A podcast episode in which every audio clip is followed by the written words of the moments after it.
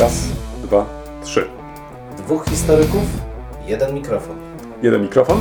Dwóch historyków? No nie, ale to znowuż mi wszedłeś w paradę. No tak zazwyczaj się dzieje. Profesor Krzysztof Równiewicz. Profesor Przemysław Wiszewski. Próbujemy nagrywać to, co nas ciekawi, to, co nas kręci, ale zawsze w kontekście historii. Chcemy pokazać, że w historii można poznawać się w różny sposób. Zdecydowanie w różny sposób i nawet można się nią bawić. Państwo wszyscy widzą, że się uśmiechamy, więc my się też bawimy nieźle. Bardzo dobrze. Dwóch Liczymy historyków, jeden mikrofon. Jeden mikrofon? Dwóch historyków. No i kolega znowu ma rekwizyty, a ja muszę z głowy. Tak, ponieważ ostatnio kolega mnie zaskoczył e, i musiałem dostawić specjalnie stół, żebym mógł e, swoje rekwizyty położyć. E, Nie mogłem, proszę Państwa, być mu tego winien. Wprawdzie nie mam kolejnego stolika, ale przyniosłem rekwizyty. Mogę zacząć? Ależ Czy- proszę bardzo, zamieniam się w słuch. Dobrze, to skoro jestem przy słowie, czy tak, czy mogę zabrać głos, to chcę może zwrócić na jedną rzecz uwagę. Otóż, proszę Państwa, e, nie wiem jak to jest, nie wiem czy Państwo też może e, czasami też e, są konfrontowani z takimi sytuacjami. Otóż przeczytałem w tym tygodniu bardzo ciekawy artykuł, już nieważne jaki, bo to myślę, że nie jest to takie istotne, ale kiedy w, zachwycony tym artykułem, zacząłem później e, sięgać po kolejne publikacje, które jakoś za, interesowały mnie, ponieważ autor odwoływał się do tych publikacji itd., itd., to trafiłem na książkę Jerzego Borejszy, Śmieszne 100 milionów e, Słowian. I co się okazało? Mam drugie wydanie. I ponieważ albo trzy tygodnie temu rozmawialiśmy o polskim wydaniu Mein Kampf, byłem ciekaw, czy autor i wstępu, i tłumaczenia sięgnął do e, przeczytanego przeze mnie artykułu, ale też i czy sięgnął do chociażby e, książki Jerzego Borejszy. I co się okazało? Faktycznie e, sięgnął do książki Borejszy, ale do pierwszego wydania. Natomiast mm, artykułu nie znał. I dlaczego o tym wspominam? Wspominam o tym, że mm, często jest też tak, że drugie albo trzecie wydanie jest dobrą okazją dla każdego z autorów, ażeby jednak wprowadzić różnego rodzaju aktualizacje, żeby poszerzyć e, chyba coś, co dla nas jest oczywiste, poszerzyć e, o jakieś nowe publikacje, zaktualizować, e, wprowadzić jakieś nowe treści. I co ciekawe, to trochę jeszcze raz pokazuje, że powinniśmy faktycznie z pokorą podchodzić do tego rodzaju rzeczy, ponieważ chociażby tutaj w tej książce, w drugim wydaniu e, wspomnianej publikacji Jerzego Borejszy, Śmieszne 100 milionów Słowian, okazuje się, że był jednym z pierwszych Polaków, który mm, sięgnął po monachijskie wydanie Mein Kampf, który też próbował w jakiś sposób, e, nawet krótko, bo krótko, ale zrecenzować też to wydanie. I trochę żałuję, że faktycznie autor e, obecnego wydania Mein Kampf e, nie sięgnął do tego drugiego wydania, ale też nie sięgnął do artykułu, o którym tutaj wspomniałem. Już nie będę go e, tutaj przytaczać, bo to nie jest najważniejsze, ale co jest rzeczą ważną i istotną, to po prostu jestem przekonany, że całkiem inaczej by ten wstęp po prostu e, wyszedł. Ale dlaczego wspominam też jeszcze e, o tym? Wspominam też i o tym, ponieważ ten artykuł, który przeczytałem, mówi między innymi sporo o recepcji e, polskiej Mein Kampf e, przed wybuchem II wojny światowej. I autor tego artykułu sporo pisał o reakcji polskich nacjonalistów na książkę Hitlera. I teraz tak się zastanawiam, czy pominięcie tego artykułu było świadome, czy też nieświadome? Jak to traktować? To znaczy, czy to, że dzisiaj no, mamy być może problem jakiś, no nie wiem, czy, czy to jest e, widoczne, czy też nie, z mm, przytaczaniem wypowiedzi polskich nacjonalistów sprzed II wojny światowej, którzy wychwalali nazizm, którzy podzielali antyżydowską politykę Hitlera. Czy mamy z tym dzisiaj jakiś problem po prostu, czy też nie? I wszystkie te elementy tak naprawdę, o których e, pisze chociażby ten wspomniany przeze mnie autor w tym wspomnianym artykule, kompletnie nie znalazło się w tym wstępie do obecnego wydania Mein. Trochę żałuję. Nie mam jeszcze na to żadnej odpowiedzi, muszę przyznać. e, Jeszcze się zastanawiam, ale chciałem przynajmniej to w jakiś sposób e, zasygnalizować. I druga rzecz, e, która nie ukrywam, bardzo mnie zainteresowała, chociażby z racji też tego, że jest to temat, który jakoś stale jakoś mi chodzi po głowie, ale w końcu trafiłem na publikację, która przynajmniej mam taką nadzieję, będzie stanowić e, też bardzo dobry taki przewodnik po tej problematyce. Mianowicie trafiłem na książkę Kłopotliwe dziedzictwo architektura III Rzeszy w Polsce. Jest to książka, która dopiero niedawno się e, ukazała pod redakcją Jacka Purli i Żanny Komar. I to, co w tej książce mnie zainteresowało, to nie tylko pewien fenomen, z którym jesteśmy stale konfrontowani, bo przecież proszę mieć na uwadze też to, że to nie tylko kwestia jest I wojny światowej, tego niechcianego dziedzictwa, czyli to, co Polska po odzyskaniu niepodległości musiała przejąć i z tym jakoś była konfrontowana, czyli z tym obcym dziedzictwem rosyjskim, niemieckim, austriackim, ale zwłaszcza po II wojnie światowej z tym dziedzictwem jest dalej konfrontowana i to w jaki sposób się z tym obchodzimy, to jest między innymi też tematem tej właśnie e, książki, czy też studiów, które składają się na tą książkę. Jeden z e, tematów dotyczy Wrocławia, to jest dla mnie rzecz bardzo ciekawa, tym bardziej, że mm, nie zawsze zdajemy sobie z tego sprawę, że to dziedzictwo jest e, jakoś obecne. Często jest też tak, że przechodzimy obok takich czy innych budynków, nie zawsze zdając sobie sprawę, że są to właśnie pozostałości III Rzeszy, że socjalistyczne, często nie mamy też pomysłu, jak e, się z tym obchodzić i tak dalej, i tak dalej. Mi się wydaje, że dobrze się dzieje, że właśnie Także taki temat został poruszony i bardzo mi się podoba samo określenie kłopotliwe dziedzictwo ze znakiem zapytania.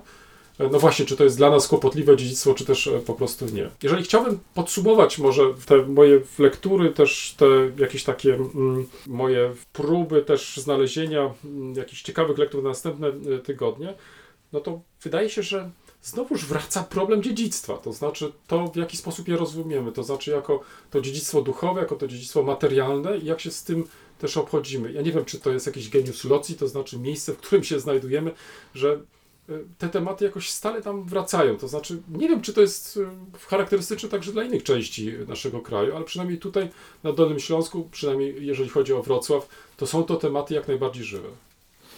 Tak, a co mnie zaskoczyło dzisiaj, to dobór tematyki, którą zaproponowałeś, bo nie wiedząc o tym, absolutnie nie rozmawialiśmy o tym, wybraliśmy książki, które dotykają z różnych punktów widzenia podobne tematy, bo ja chciałem Państwu zaproponować publikację, której de facto jeszcze w rękach nie miałem, ale zaciekawiła mnie taka dyskusja wokół niej. To jest książka Szymona Wieczorka. To dlatego nie musiałem tego stolika dostać. Tak, właśnie. Książka Szymona Wieczorka o anegdocie o ubogim kleryku i królu Bolesławie w kronice Anonima Gala. No i dyskusja, jaka, taka wstępna, jaka się wywiązała, dotyczyła przede wszystkim e, samego tytułu, bo książka jest naprawdę nowa, wyszła w Rzeszowie, jak dobrze pamiętam, i chyba niewiele osób mogło z nią e, jeszcze poobcować. Niestety w Polsce ciągle dominuje obieg papierowy, nad czym ja boleję. Nie wszystkie książki można, można sobie zamówić, ściągnąć w formie e-booka. W każdym razie dyskusja dotyczyła przede wszystkim tego, skąd wzięła się koncepcja w tytule napisania w kronice Gala Anonima ponieważ jesteśmy po trwającej dekadę w zasadzie dyskusji zapoczątkowanej przez profesora Jasińskiego dotyczącej autorstwa tej kroniki. Czy rzeczywiście możemy w ogóle posługiwać się terminem anonim gal? Terminem ukutym dość, powiedzmy sobie szczerze, w, na podstawie hipotez, e, nie mającym ugruntowania w samej treści tej, tego dzieła, ale zwyczajowo przyjętym ten termin, w autorstwo, wszystko to, co robił profesor Jasiński, to zmierzał poprzez wnikliwe mm, studia dotyczące struktury tekstu, wersyfikacji, sposobie wykorzystywania akcentów, melodii języka łacińskiego. Szukał analogii w tekstach około XII-wiecznych, żeby pokazać, że jego zdaniem ten Anonim to nie Gal, ale mnich z klasztoru na wyspie Lido w Wenecji. Taka była jego teza. Potem e, profesor Wenta wystąpił też ze swoją tezą, również wskazując na e, inne pochodzenie, e, też niegalijskie, które, które negował. No i czy po takiej dyskusji można używać w związku z tym terminu no, anachronicznego, anonim gal? Czy jednak, tak jak e, zazwyczaj się to robi, nie posługiwać się prostszym anonim, tak zwany gal, który od razu zwróca, zwraca uwagę, że my niewiele wiemy, ale mówię o tym dlatego, że jest to właśnie znowu odesłanie do dyskusji. I pytanie, które w tej wstępnej dyskusji jakby się pojawiło, to czy autor rzeczywiście recypował stan badań.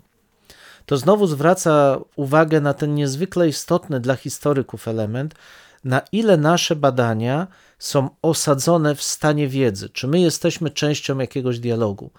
E, Dla nas to jest kluczowe, to znaczy, żebyśmy nie tworzyli wiedzy, która, przepraszam, jest zbędna, bo nie oparta na tym, co zrobili, zrobili ludzie przed nami. Jestem bardzo ciekawy tej książki. Sama anegdota jest ciekawym zresztą przekazem, bardzo wielowarstwowym w tej kronice. Miałem okazję pisać o tym, więc no też jestem ciekawy, jaki pomysł na nią ma autor. Z chęcią, jeśli będę miał w rękach, to podzielę się z Państwem jeszcze i dalszymi uwagami. Natomiast sama książka jest też ważna i dlatego, że wraca do jednego z kamieni milowych naszej refleksji w ogóle nad wczesnym średniowieczem czy średniowieczem w Polsce, Kronika Anonima. Źródło, które wydawać by się mogło, jest już zupełnie wyeksploatowane. Zwłaszcza ostatnie 15-20 lat to był taki renesans studiów bardzo różnorodnych nad kroniką Anonima.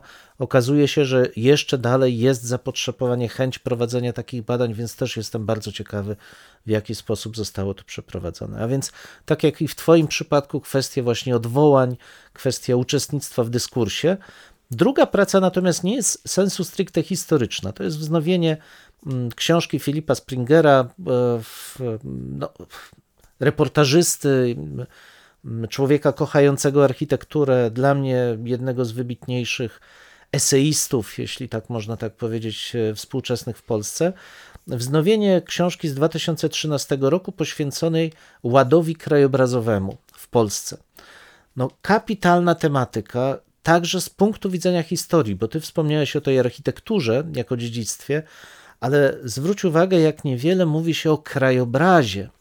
Archeolodzy są w stanie pokazać nam materialny wymiar krajobrazu i rzeczywiście zajmują się i tym krajobrazem miejskim i wiejskim, pozostałościami nie tylko zresztą architektonicznymi, ale także struktur gospodarczych, które odzwierciedlają się w przestrzeni.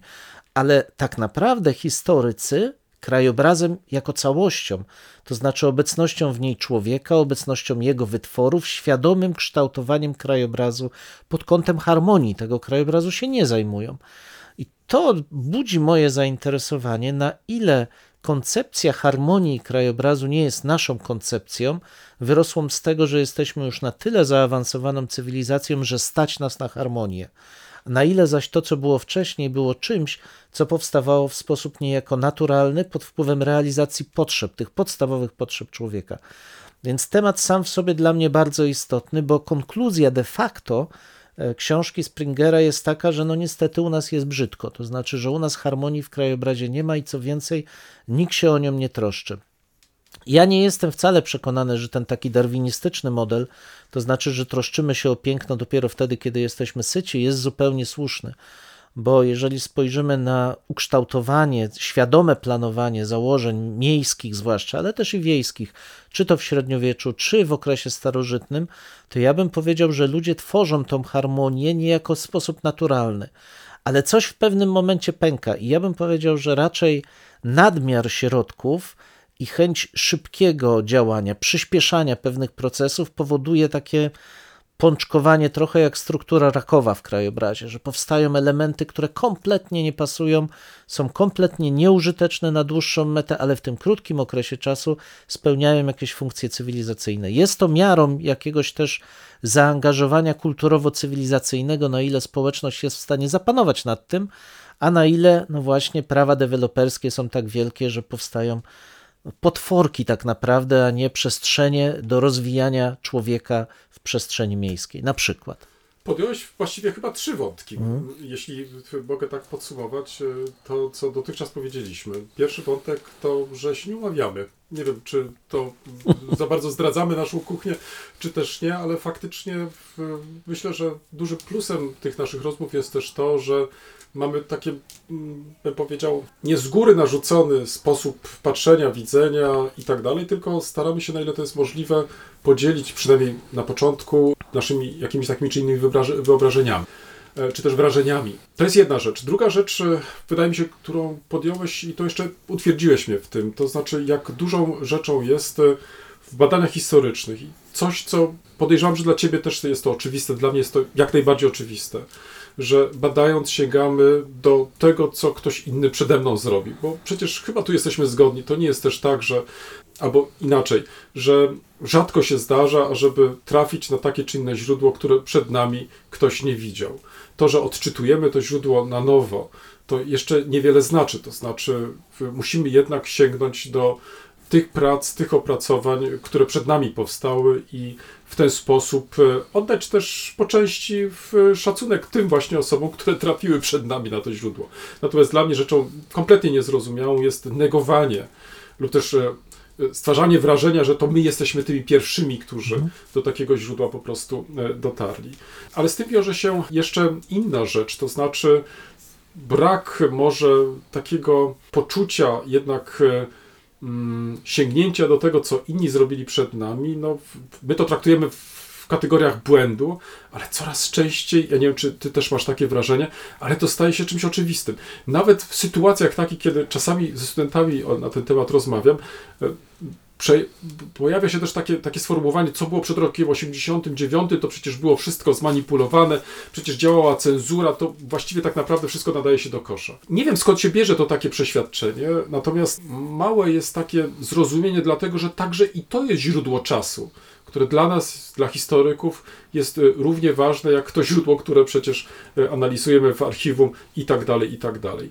No i na trzecią rzecz, y, którą zwróciłeś bardzo ważną uwagę, to na interdyscyplinarność. To znaczy, jest coś takiego, co jednak wykracza poza tą taką klasyczną analizę historyczną.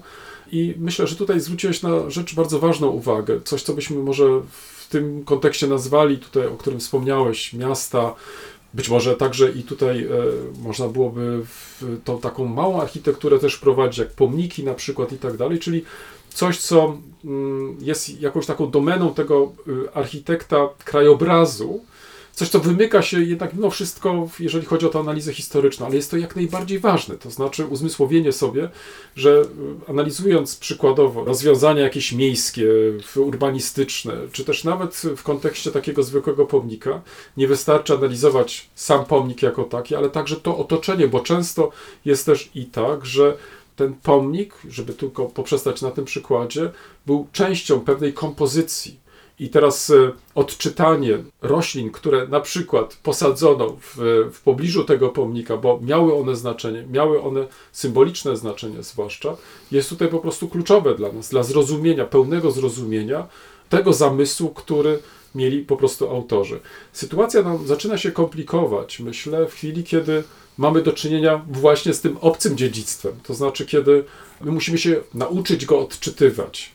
Mnie się wydaje, że to chyba dla nas jest to bardzo frapujące, zwłaszcza na tych, nazwijmy to tak zwanych ziemiach nowych. E, Ja nie wiem, czy można dalej używać, bo przecież już tyle dziesiątków lat minęło i cały czas mówimy o tych ziemiach nowych, ale tak naprawdę chodzi mi o te ziemie, które weszły w skład państwa polskiego po roku 1945, że myślę, zwłaszcza w ostatnich dziesięcioleciach, coraz częściej uczyliśmy się albo uczymy się nadal odczytywać te rzeczy na nowo. To znaczy traktować jako część e, naszej już kultury, jako część też e, naszego dziedzictwa po części, bo czytamy to też na własny sposób, dodając swoje jakieś e, kolejne elementy. Mnie się wydaje, że to jest po prostu rzecz kluczowa, czyli to, co można byłoby ewentualnie wyrazić jako pewien postulat, to nie ograniczanie się tylko właśnie do tej historycznej narracji, czy też tego historycznego patrzenia na takie czy inne przedmioty, tylko szukanie właśnie jednak mimo wszystko tego, co wykracza poza, oczekując, że chociażby wykorzystując takie czy inne dodatkowe dyscypliny, na ten sam obiekt będziemy mogli spojrzeć po prostu z różnych punktów widzenia. Ale to oznacza, że musimy być otwarci, że musimy być ciekawi, że musimy być wręcz zafascynowani tym przedmiotem, który chcemy poznać lepiej. No tak, to ja nie przypadkiem przywołałem Springera dzisiaj. E, On jest dla mnie ważny z wielu powodów. E, Przede wszystkim dlatego, że ja generalnie uwielbiam architekturę, uwielbiam obcowanie z malarstwem. Jest to jeden z takich elementów kluczowych, który ja dla siebie definiuję jako to doświadczenie piękne. Ale też w kontekście historii rzecz niezwykle ważna, ponieważ ona zwraca nam uwagę na rozmaitość języków, jakim się posługujemy, jakim kultury, które minęły się posługiwały, a które pozwalają nam zrozumieć, jaka różnica nas dzieli, ale też odczytać te kultury poprzez rozmaite komunikaty. No, dzisiaj nie mamy takiego tematu sztywnego, nie wyznaczyliśmy go sobie, ale dla mnie istotnym tematem, który ja dzisiaj chciałem też poruszyć, to jest kwestia właśnie miejsca historii w kontekście funkcjonowania społeczeństwa. Z dwóch powodów. Z jednego e, coś, co mnie zawsze cieszy, to znaczy corocznie nasi studenci otwarli wystawę, w, e, studenci kierunku Historia w przestrzeni publicznej co roku otwierają wystawę na rynku wrocławskim. To jest element zaliczenia jednego z ich przedmiotów, profesjonalnie przygotowana. Nasz kolega współpracujący z Instytutem Wojtek Kucharski pomaga im to przygotować, profesor Kucharski pomaga im to przygotować. Efekt jest świetny, ludzie faktycznie przystają, czytają. e, Różnych tematów te wystawy dotyczą. W tym przypadku to są katastrofy w Breslau, wiadomo, czy we Wrocławiu, mm, różnie definiowane. Ale zwracam na to uwagę, ponieważ jest to to wyjście historii do świata zewnętrznego. Ale drugą rzeczą jest, jak ten świat zewnętrzny ocenia takie wyjście. I tu e, wydaje mi się, że nie unikniemy tego, musimy dotknąć wydarzeń, które miały miejsce niedawno, czyli procesu, jaki zakończył się w- wyrokiem, no takim powiedziałbym, e, symetrystycznym, to znaczy w, e, skazującym em, dwójkę historyków Użyto na, wręcz nawet określenia salomonowym. o, Salomonowym. Hmm. Dwójkę historyków na przeprosiny wobec powódki w, za błąd, który interpretacyjny, jeśli można tak powiedzieć, został przez nich zdaniem sądu popełniony, a z drugiej strony uwalniający ich od obowiązków e, no, przeprosin takich szeroko zakrojonych e, dla całego narodu polskiego. Ale mówię o tym dlatego w kontekście tych naszych prac, o których też wspominaliśmy, czy w ogóle tego, czym się zajmujemy, że w mojej ocenie to jest sytuacja mm, bardzo groźna. Znaczy, ja nie, nie chcę usprawiedliwiać, jeżeli historycy popełniają błąd, bo to się zdarza, proszę Państwa. I jeśli mógłbym powiedzieć, to nie wyobrażam sobie historyka, który nie popełni błędu.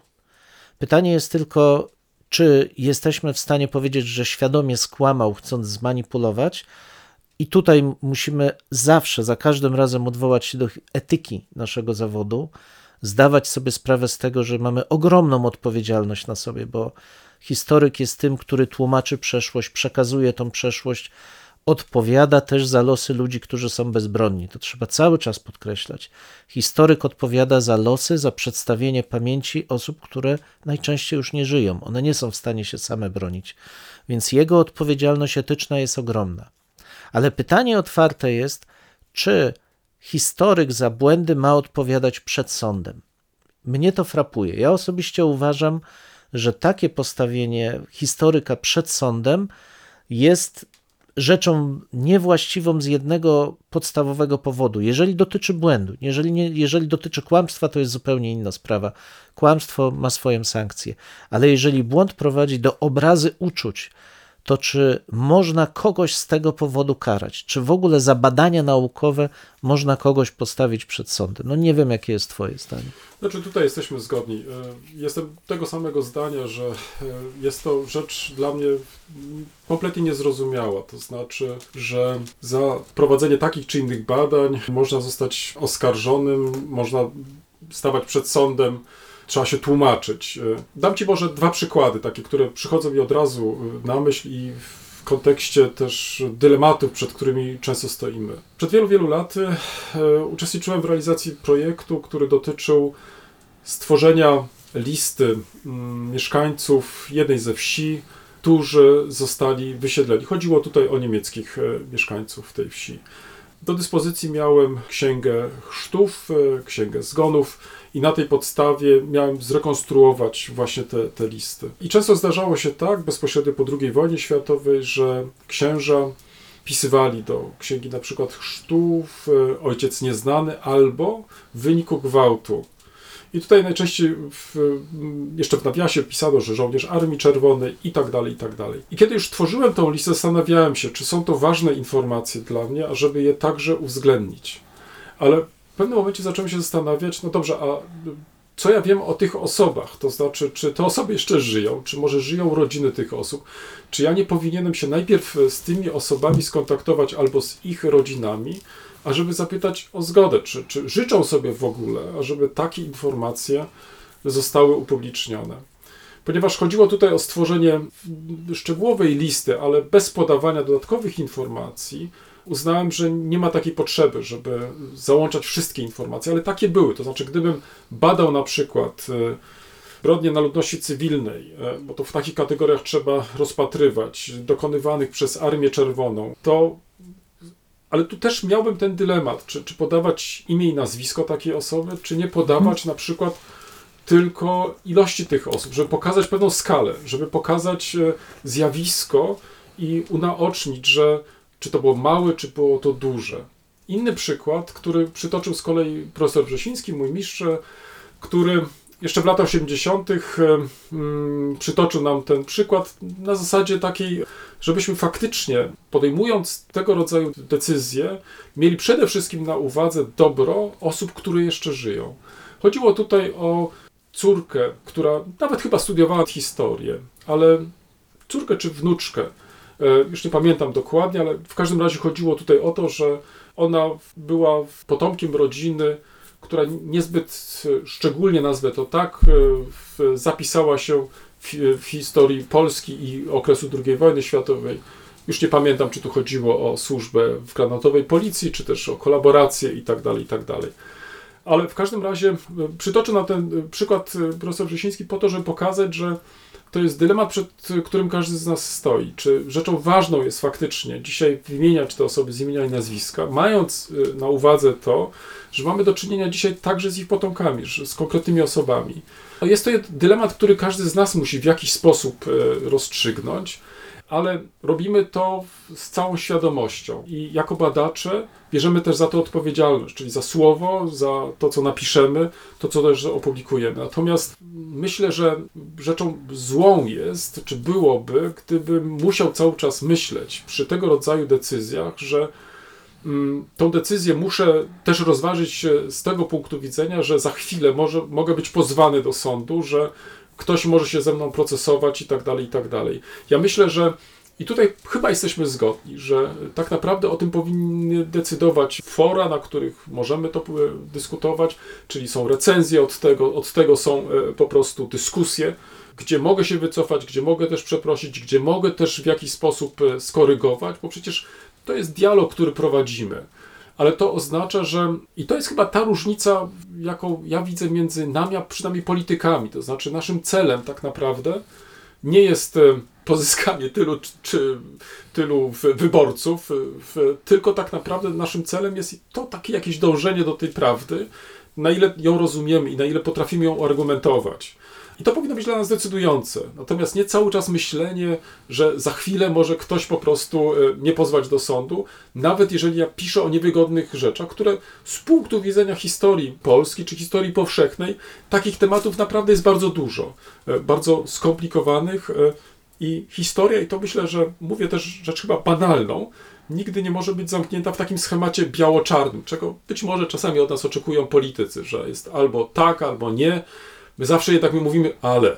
Czyli ta historia jest dla nas jednak mimo wszystko szara, to znaczy jest wielowątkowa i staramy się na ile to jest możliwe, tą wielowątkową historię przekazać. I tu wracam do tego przykładu, który przytoczyłem na początku, czyli tej Księgi Chrztów. Oczywiście mógłbym e, opublikować e, pełne dane, mógłbym mm, z imienia i nazwiska, mógłbym też e, w tłumaczeniu podać w nawiasie to czy tamto, ale czy to było dla mnie istotne? I mi się wydaje, że to każdy z nas musi, zajmując się taką problematyką, zwłaszcza tą problematyką drażliwą, gdzie do końca nie wiemy, czy jeszcze żyją te osoby, czy nie żyją te osoby, nawet jeżeli nie żyją, to czy no możemy w sposób taki bardzo jednoznaczny po prostu opowiedzieć się po którejś ze stron. Mnie się wydaje, że to jest bardzo trudne, bardzo skomplikowane i dlatego jeśli mogę o sobie powiedzieć, to często e, wolę zrezygnować e, z takiego postępowania, żeby pokazać, ale przynajmniej zwrócić uwagę, że są to dylematy, przed którymi stoi po prostu każdy z nas. No tu na pewno są dwie co najmniej warstwy tematyczne, które trzeba by poruszyć. To znaczy zaniedbania, jeśli chodzi o sformułowanie i uczenie i cały czas przypominanie etyki historyka. e, adepci historii, nieważne jaki jest ich wiek, czy mają 20, 30 czy 50 lat, powinni sobie zawsze zastanawiać się, po co ja wykonuję swoją pracę, jaki będzie oddźwięk społeczny tej pracy i dokładnie to, co ty mówisz, czy ja kogoś nie skrzywdzę i jaki będzie efekt tego mojego działania. Mogę ci przełkować słowo? No. Jest ta zasada przecież e, w medycynie. Primum non nocere. Primum non nocere. Właśnie przede wszystkim nie szkodzić. Dokładnie I mnie się tak. wydaje, że nie dotyczy to tylko e, medyków, ale to dotyczy także i nas, czyli Mhm. coś, co my też powinniśmy mieć stale na uwadze. Nasze działanie przede wszystkim nie powinno być skierowane przeciwko komuś. Tak, ale zwróć uwagę, że tutaj bardzo łatwo też ześlizgnąć się w drugie niebezpieczeństwo, bo jeśli mówimy, że nie chcemy komuś szkodzić, to pytanie, okej, ale czy wy nie szkodzicie narodowi, partii, nie wiem, tożsamości europejskiej, rozumiesz? Zaczynają powstawać takie abstrakcyjne byty, które w zasadzie jak odpowiednio je zdefiniujesz, to zawsze będą wykazywać swoje roszczenia pod kątem pracy, która im szkodzi. Natomiast moim zdaniem to, co powinno nas obligować, to przede wszystkim jednostki, bo bardzo rzadko zdarza się, że musimy kogoś z imienia i z nazwiska wymieniać. Natomiast jest taka maniera, troszkę przejęta chyba z mm, literatury anglosaskiej, narratywizowania działań naukowych. I w narratywizowaniu staramy się wykorzystywać już pełne imiona i nazwiska po to, żeby nadać temu bardziej potoczysty charakter, przybliżyć czytelnikowi, ale to nie zawsze jest potrzebne, konieczne i dobre. Równie dobrze można posłużyć się właśnie statystyką, choć być może dla części osób to będzie bardziej uciążliwe. Można zanonimizować źródła. To też nie wymaga wielkiego zachodu, a gdybyśmy posłużyli się po prostu zwykłą etyką takich badań i zastanowili się, czy los jednostki nie jest jednak ważniejszy niż opisanie tego szczegółowego przypadku. Czy jesteśmy pewni, że opisując to rzeczywiście oddajemy sprawiedliwość i ofiarom, i tym, którzy byli uwikłani w te niełatwe przecież wybory? To są trudne rzeczy, ale każdy historyk powinien wykonywać taki eksperyment myślowy, bo on nie dotyczy tylko historii najnowszej. I to jest jakby jedna rzecz, przepraszam, ci tylko przerwę. Natomiast druga rzecz, która z kolei jest również bardzo niebezpieczna, to jest przekonanie, że historię można podporządkować czyimś interesom, badania historyczne, nieważne czyje by one były. Bo zwróć uwagę, jak cofniemy się wstecz, to przełom, jakim był XIX wiek w historii, polegał na tym, że określono historię jako naukę, już nie literaturę, ale jako naukę, czyli działania intelektualne, które mają dążyć do obiektywizacji przedmiotu i procedury badań. I mają być weryfikowalne. O to właśnie chodzi. I zerwaliśmy tym samym od opowieści, które były pisane z konkretną tezą dla konkretnego mecenasa, które zupełnie świadomie pomijały szereg rzeczy, a wyolbrzymiały inne po to, żeby przyjąć pewien szczególny kierunek polityczny, refleksji politycznej, albo zwykle po prostu przypodobać się temu, który za to zapłacił. No to wszystko jest za nami. Ale w tym momencie, kiedy okaże się, że badania historyczne mają być traktowane jako przedmiot postępowań sądowych, jeszcze raz podkreślę, nie ze względu na kłamstwa, które tam są, bo to jest dla mnie oczywiste. Jeśli ktoś kłamie, robi to świadomie, powinien mieć prawo być ukarany za to, ale jeżeli ktoś po prostu popełnia błąd, co jest nagminne, bo ludzie są niestety gatunkiem omylnym w każdej dziedzinie wiedzy, to to oznacza, że historia stanie się zakładnikiem strachu. Znaczy, będzie pisana z punktu widzenia określonych interesów, po to, żeby się zabezpieczyć, że w różny sposób nie będę atakowany, bo będę zabezpieczony tym, że podobam się tej czy innej grupie społecznej. Historia taką nie powinna być, bo tracimy tą unikalną rolę i autorytet historii. Autorytet historii polega na tym, że stara się pokazać prawdę o przeszłości. A jeżeli my piszemy ją pod kątem tego, czy zostaniemy oskarżeni, ukarani lub nie, to znaczy, że zaczynamy selekcję tematów, selekcję wątków, nie No musząc wcale tego historia robić. staje się historią dworską, bo Tak. przecież e, tak ją można spokojnie określić, natomiast niewiele to ma wspólnego tak Dokładnie tak. z e, badaniami historycznymi, ale tutaj jeszcze zwróciłeś na bardzo ważną rzecz uwagę, mianowicie czy czasami być może zachuśnięci tymi nowinkami, takimi czy innymi, nie- nie zatracamy czegoś, co właściwie powinno być specyficzne dla naszych badań, to znaczy czy nie powinniśmy iść troszeczkę własnym rytmem, to znaczy w sensie takim, e, przecież e, każdy z nas może nawiązać do tradycji na przykład takiego czy innego profesora. Dzisiaj praktycznie nie mówimy o szkołach takich czy innych, ale mnie się wydaje, że to jest dużą szkodą, bo tak jak na początku wspomnieliśmy, że trudno sobie wyobrazić jakiekolwiek prace historyczne bez nawiązania do takich czy innych e, wcześniejszych prac, tak też nie możemy przecież e, mm, widzieć naszego bycia historykami bez nawiązywania do naszych mistrzów. Nawet jeżeli są skomplikowani, jeżeli są kontrowersyjni, ale są, e, byli e, i w, pozostawili też coś w nas, jakąś tam cząstkę. I mi się wydaje, że dzieje się jednak mimo wszystko coś dziwnego. To znaczy, zamiast pielęgnować właśnie tą tradycję, do niej nawiązywać, bardzo krytycznie nawet spoglądając na nią, ale przecież e, to jest coś, co jest naszym punktem odniesienia. Natomiast nie możemy abstrahować. Natomiast w chwili, kiedy abstrahujemy, tworzymy jakąś nową jakość, która w konsekwencji właśnie może e, powodować e, tego rodzaju problemy. To znaczy, że wtedy tracimy jako takie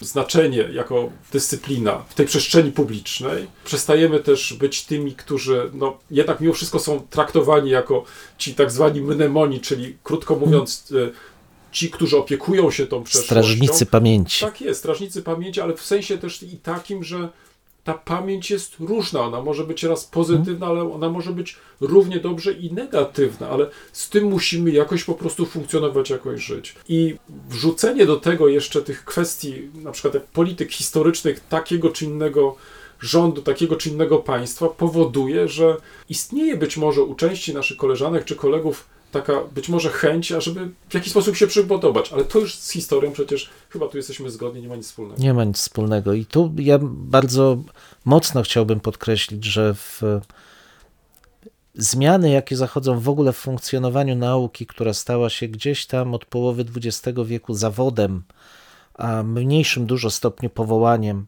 sprawiają, że mam wrażenie, że bardzo w wielu miejscach jakieś zagubienie nastąpiło. To znaczy, od z jednej strony od naukowców zaczyna się oczekiwać mm, rzeczy, których oni nie są w stanie dostarczyć. W przypadku historyków stabilnego obrazu przeszłości, takiego w 100% stabilnego obrazu, jakiego znamy z nauczania w liceum czy w szkole podstawowej, a z drugiej strony odpowiedniości tego obrazu do uczuć politycznych konkretnego momentu. Oczywiście takie pragnienia zawsze były wśród ludzi władzy i to nie jest e, niczym nowym, ale dorobkiem historii największych naszych e, badaczy, największych naszych poprzedników było to, że potrafili oni z tym zerwać, znaczy, że potrafili zaproponować perspektywę przeszłości nam, współczesnym, tak żebyśmy my mogli poznać kulturę innych ludzi, wcielić się w ten inny czas. To jest naszym zadaniem. To my jesteśmy tymi tłumaczami umarłych. To my przekazujemy w ten sposób tą naszą przeszłość, żeby na niej można było budować przyszłość. Nie jest naszym zadaniem służyć jakimkolwiek celom politycznym. Dlatego też, jeżeli mógłbym coś na koniec już powiedzieć, to bardzo mocno bym zaapelował jeszcze raz do nas, do naszych koleżanek i kolegów po fachu. Uczmy się etyki badań. Myślmy cały czas, czemu nasze badania mają służyć. To, czy dostaniemy za to punkty, czy zrobimy jakąś zawrotną karierę na naszej, w ciągu naszego krótkiego życia i na naszej planecie, naprawdę nie będzie tak ważne jak dla naszego społeczeństwa, czy rzeczywiście wypełnimy ten podstawowy cel. Przekażemy wiernie, na ile człowiek jest możliwy, kulturę przeszłości.